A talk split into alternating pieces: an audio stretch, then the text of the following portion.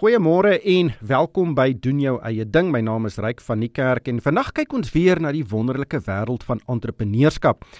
Dit is nie altyd maklik om 'n besigheid in Suid-Afrika te begin en suksesvol te bedryf nie en baie ondernemings misluk en jy skop werklik nie suksesvolle entrepreneurs elke dag agter elke bos uit nie. In hierdie program gesels ek met van hierdie suksesvolle entrepreneurs en ons luister na hulle stories oor hoe hulle sukses behaal het en hooplik kan dit voornemende en bestaande entrepreneurs help om die grootste slaggate van sake doen in Suid-Afrika te vermy en ook hoe om nuwe geleenthede raak te sien. My gas vandag is Adele Reinders. Nou sy is 'n pottebakker en sy uh, is ook 'n skrywer van liefdesverhale, uh, 'n baie interessante kombinasie. Adele, baie baie welkom by die program. Voor ons oor die besigheid gesels, vertel ons 'n bietjie van jouself. Wat is jou agtergrond? Waar het jy groot geword en het jy altyd in entrepreneurskap belang gestel? Ja, ryk my hele lewe lank hoor. Ek was kleintyd 'n kunstenaar, mal dingetjie wat grond uit die aarde gaan haal het op 'n plot waar ek groot geword het en klein goedjies daarvan gemaak het, vlakvarkies gebou het. Ek dink my pa het kleintyd gesien hierdie dingetjie van hom gaan 'n 'n kunstenaartjie word en dit hy vir my gesê hoorie so jy sal iets anders moet kies om te gaan doen as jy groot word want jy gaan op jou knieë moet sit en wens en smeek vir werk. Nou ek is baie op my knieë, maar dit is definitief nie omdat ek smeek vir werk nie. Is maar net omdat mens maar vuil word en dan doen jy jou potte en jou goedjies wat jy maak. Maar ja, kuns was nog altyd my lewe, prentjies maak. Kuns is 'n interessante bedryf. In baie gevalle begin dit as 'n stokperdjie en dan later groei dit tot 'n besigheid waaruit 'n mens se lewe kan maak. Was dit 'n stokperdjie aan die begin? Ja, weet jy, ek het vir Sandparke op 'n stadium gewerk, glad nie as kunstenaar nie, maar kuns was 'n stokperdjie. Ek het geskets, kaartjies gemaak en daai tipe van dinge. En toe het ek begin pottebakkerswerk doen saam met 'n vriendin van my, meer in 'n sosiale soort van storieetjie. En ehm um, ander goed uitgestel by markte. En toe sê ek, "Jo, daar is nie keramiek nie, daar is nie handgemaakte pottebakkerswerk soos wat myne lyk nie. Jy weet, ek glo aan nismark. Jy moet 'n dingetjie maak wat soort van lyk soos jou eie ding. En ehm um, het tot 'n keuring daarvoor gekry en dit is nou maar die goed wat van my op hierdie stadium by die markte is. Maar jy begin in 'n sosiale omgewing. Wanneer het jy nou die geleentheid gesien? Uh, jy sê jy het op markte gesien dat die produkte nie soos joune lyk nie. Maar, maar kom ons begin by die sosiale aspek. Hoe het dit ingepas in jou hele groei storie van 'n stokperdjie tot 'n besigheid? Ek dink 'n mens kom op 'n stadium wat jy besef jy het nodig om iets te doen om 'n bietjie geld te maak. Dit kan nie net 'n stokperdjie wees nie, dan raak dit ongelooflik duur en ja, en as mense begin vra, jy weet, maak vir my ook so enetjie en ek wil ook van daai hê, dan begin 'n mens gewoonlik maar 'n bietjie kyk hoe kan jy bietjie meer daarvan op 'n slaggie maak en vir ander mense ook verskaf. En dan begin jy kyk na rand en sent en wat gaan dit werd wees en kan jy dit verkoop? Vertel ons van die werk wat jy doen. Presies hoekom is jou keramiekprodukte anders as ander pottebakkers sin? Weet jy, ek maak klein goedjies ryk. Ek doen geskenkies, gebruiksartikeltjies. Eintlik moet ek vir jou sê die pottebakkerswerk was op 'n stadium meer die stokwerk hè, en die skryfwerk het vir my in daai stadium 'n bietjie geldjies ingebring. Kyk natuurlik, jy moet dit op 'n ander manier benader om ander tipe produkte te maak. Ek was nou al in verskeie pottebakkers se winkels byvoorbeeld en dan staan daar 10 of 15 stelle koppies en pierings en dan is daar blomfases en en en diepie van dinge. So weer eens, is dit 'n uh, fokus van jou om ander tipe produkte te maak? Ja, ja, Ek wil definitief, ek wil beslis nie iets maak wat iemand anders maak nie. Ek dink die groot fout wat baie pottebakkers mense doen is die eerste ding wat hulle doen is om 'n rekenaar nader te trek, Pinterest en al daai goed te gaan kyk en te dink wat gaan wat kan hulle namaak? Ja. Ja, wat kan hulle namaak? Ek dink die belangrikste ding vir enige iemand wat wil maak met pottebakkerswerk is om iets te gaan vind wat nog glad nie daar is nie. Jy weet iets wat heeltemal nuut is, iets wat vars is, iets wat eie is aan 'n eie persoon. Jy weet 'n soort handelsmerk wat soort van daai persoon sin is. En wat is jou handelsmerk? Ryk ek hou van Afrika. Goed moet soos Afrika lyk. Like weet ek het argeologie geswat. Ek het ek is mal oor die natuurlewe. Ek dink my handelsmerk lyk meer soos Afrika. Weet dit moet maar net bietjie meer uniek wees. Is dit die verf en die ontwerp van die kuns bo-op byvoorbeeld 'n bord wat van jou anders is? Jy maak nie byvoorbeeld 'n 'n tipe van koppie wat anders lyk as ander mense se nie. Ehm um, weet jy bakkie Ek maak ek baie, ek maak fasies, ek maak glasies, maar ek sit iets driedimensioneel baie keer op. Jy weet iets soos 'n renoster of 'n olifant of so tipe. Ek maak prentjies. Jy weet ek sit 'n sit 'n driedimensionele dingetjie bo-op. Ek vertel 'n storieetjie. Jy het toe begin om hierdie goed te bemark. Kan jy nog onthou wie was jou heel eerste kliënt wat iets gekoop het by jou? Weet jy, dit is baie baie lank gelede. Ehm um, ek dink dit was maar half in die studio, jy weet, tussen die mense daar. Was iemand byvoorbeeld 'n dier of 'n ding of 'n gesig of iets op 'n potjie wou gehad het en ek so 'n bietjie gehelp en daarmee. So daar was van die goedjies wat hulle gekoop het. En ons het so af en toe 'n uitstalling gehad en vandaan af is dit na sekere markte toe. Ek en Etna saam het gedoen vir die groot crafters fair markte ek voel as 'n ou inkom by 'n crafters fair mark en hulle keer jou goed. Jy weet dan kan 'n ou min of meer weet jy goed is uniek genoeg verkoop. Jy weet jy kan aanvaar. Dit is soort van iets wat mense in gaan belangstel om te koop.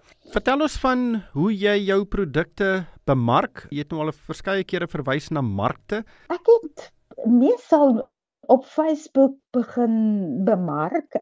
Ek het drie verskillende bladsye Ek het een vir my skryfwerk en dan het ek die Afrikaanse liefdesverhale en stories bladsy waarop ek my storieboeke dan het ek die um, YouTube die kanaal van uh, waarop ek Etna en my se pottery bemark en dan die markte. Jy weet waar jy ons dit neem is 'n baie lekker plek waar mense verbystap. Daar stap tot 20000, 30000, selfs meer mense by so 'n mark verby.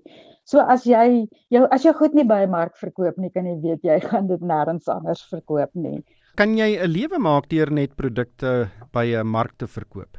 Ryk ou kan nie net ek, kyk, jy kan van pottery alleen leef.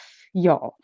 Jy kan van skryf seker ook alleen leef maar vir my is dit 'n kombinasie van dit alles. Daar is mense wat net van markte alleen leef. Wat goed produkte by die markte lewer en net daarvan le uh, leef. Maar dan is dit 'n nisproduk. Weet dan is dit iets wat jou klant weet. Ek gaan dit by daai mark kry. Ek kry dit nie by 'n ander winkel nie. Ek gaan nie dit is nie vrylik bekombaar nie. Jy strooi dit nie oor die aarde nie. Jy bemark dit uniek en eksklusief by 'n mark. So dit dit bring 'n soort van 'n eksklusiwiteit na die mark toe, maar dit bring ook 'n eksklusiwiteit na die produk toe as dit net by 'n sekere mark beskikbaar is. Baie van hierdie markmense wat by markte uitstal, se produkte is van so 'n aard dat hulle werk vir 'n spesifieke mark en dan leef hulle vir 6 maande van die geld wat hulle by daai mark gemaak het. Ja, so ek kan nogal leef van jou produkte wat jy by 'n mark lewer. Ek gesels met Adele Reinders, sy's 'n pottebakker. Sy's ook 'n skrywer van liefdesverhale en ons gaan nou-nou daaroor gesels. Adele, hoeveel geld het jy nodig gehad toe jy nou uitgebrei het? Um, ek neem aan daar is ook 'n volume uitdaging in hierdie bedryf. Hoe het jy toe begin om self hierdie produkte te maak en watter kapitale uitleg moes jy aangaan? Dit is 'n duur bedryf. Jy het 'n oond nodig, 'n kiln. Hy kos baie geld en hy's duur om aan die gang te hou want hy gebruik elektrisiteit.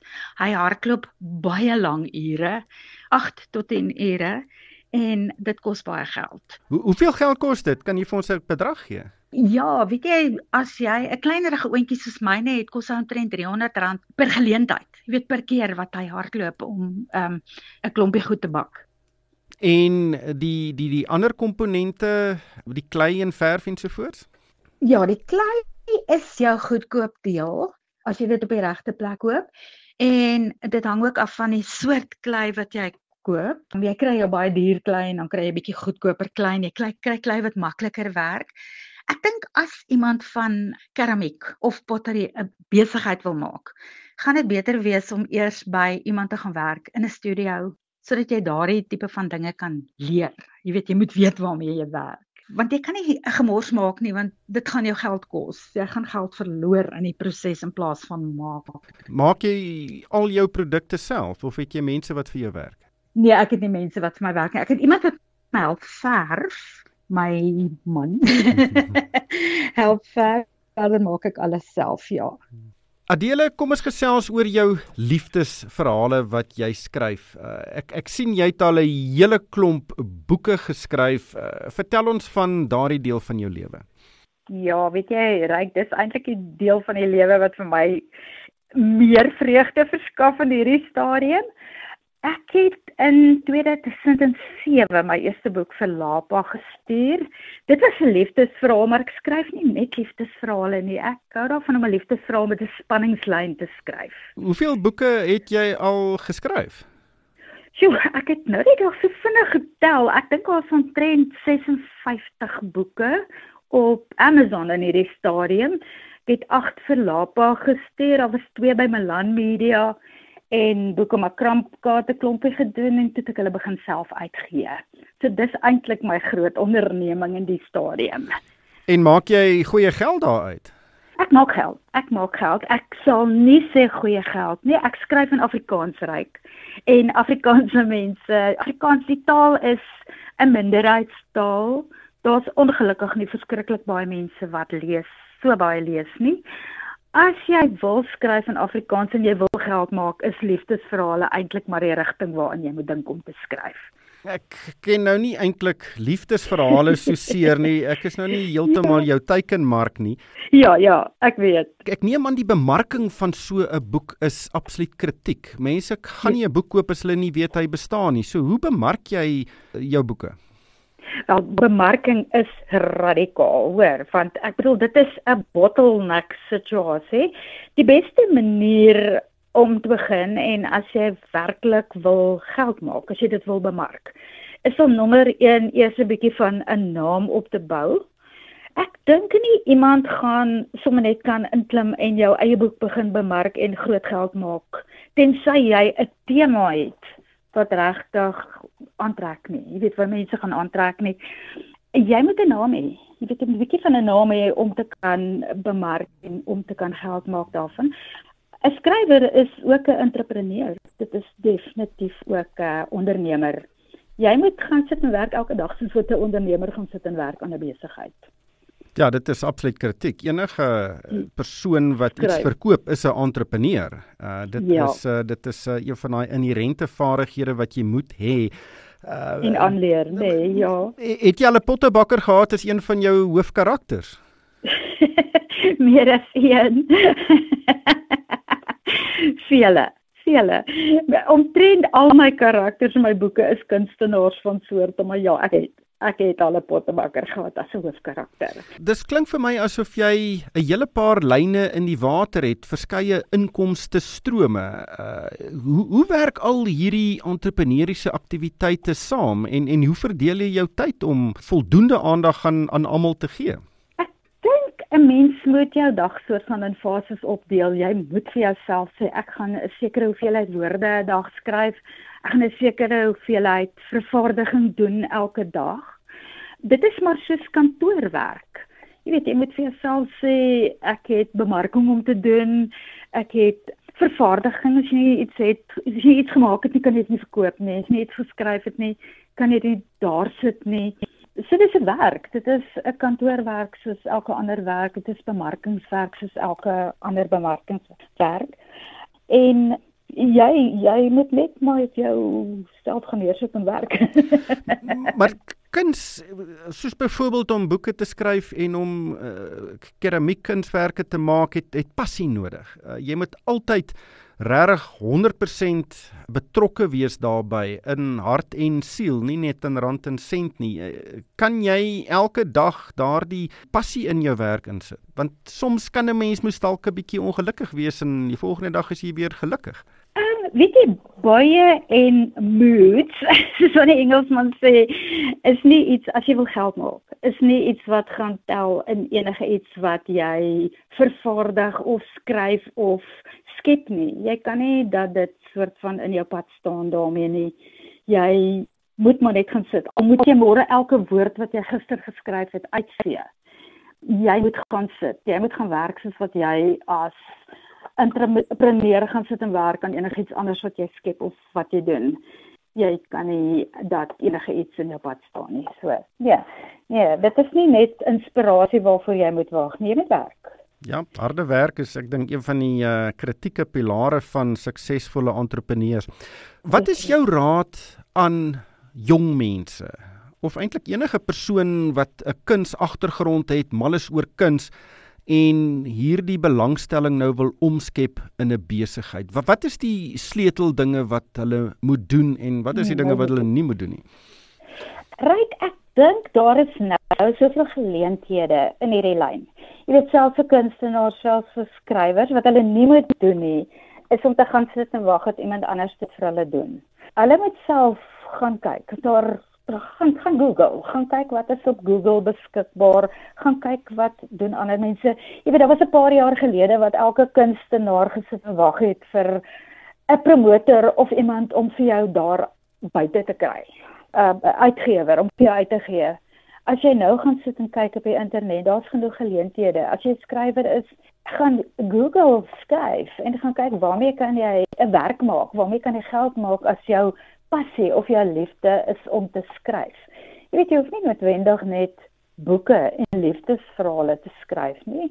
Jy kan ander soort skryfwerk ook doen. Jy kan taal gebruik. Jy kan wat ook al doen. Ek dink as jy wil skryf, sorg dat jy 'n goeie taal agtergrond het, dat jou spelling reg is, dat jou werk nagesien word, dat iemand anders wat dit lees nie dink ag hemel hierdie hier's soveel foute in hierdie werk nie. Jy weet ek kan niks uit leer nie. Dit, ja, dit, is absoluut kritiek. Ek dink as jy geval in enige bedryf, weet prokureurs, ingenieurs, rekenmeesters as as hulle ja. foute maak, dan sit 'n groot gemors.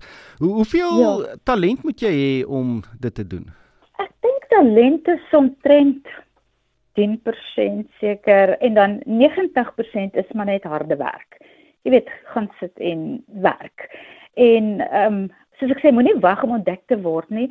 Ek dink die groot probleem met skryfwerk is verskriklik baie mense dink ek het nou nie werk nie. Ek ek het nie 'n inkomste nie en nou gaan ek 'n boek skryf of ek gaan iets skryf en ek gaan verskriklik baie geld daarmee maak. Dit is 'n droom. Dit gaan nie werk nie. jy gaan nie geld maak as jy dit so sien nie.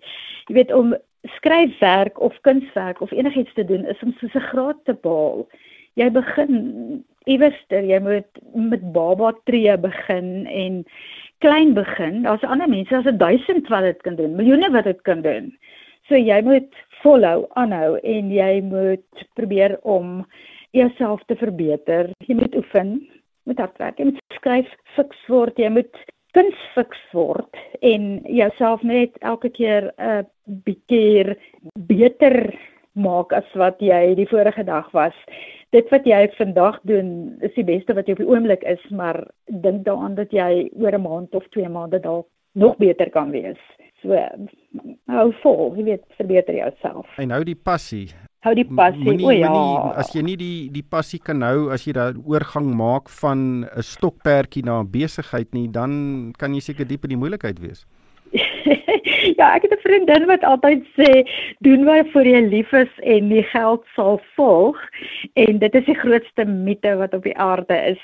Doen wat jy lief is en jy sal vreeslik besig wees, maar jy gaan definitief nie altyd geld maak daarmee nie. So.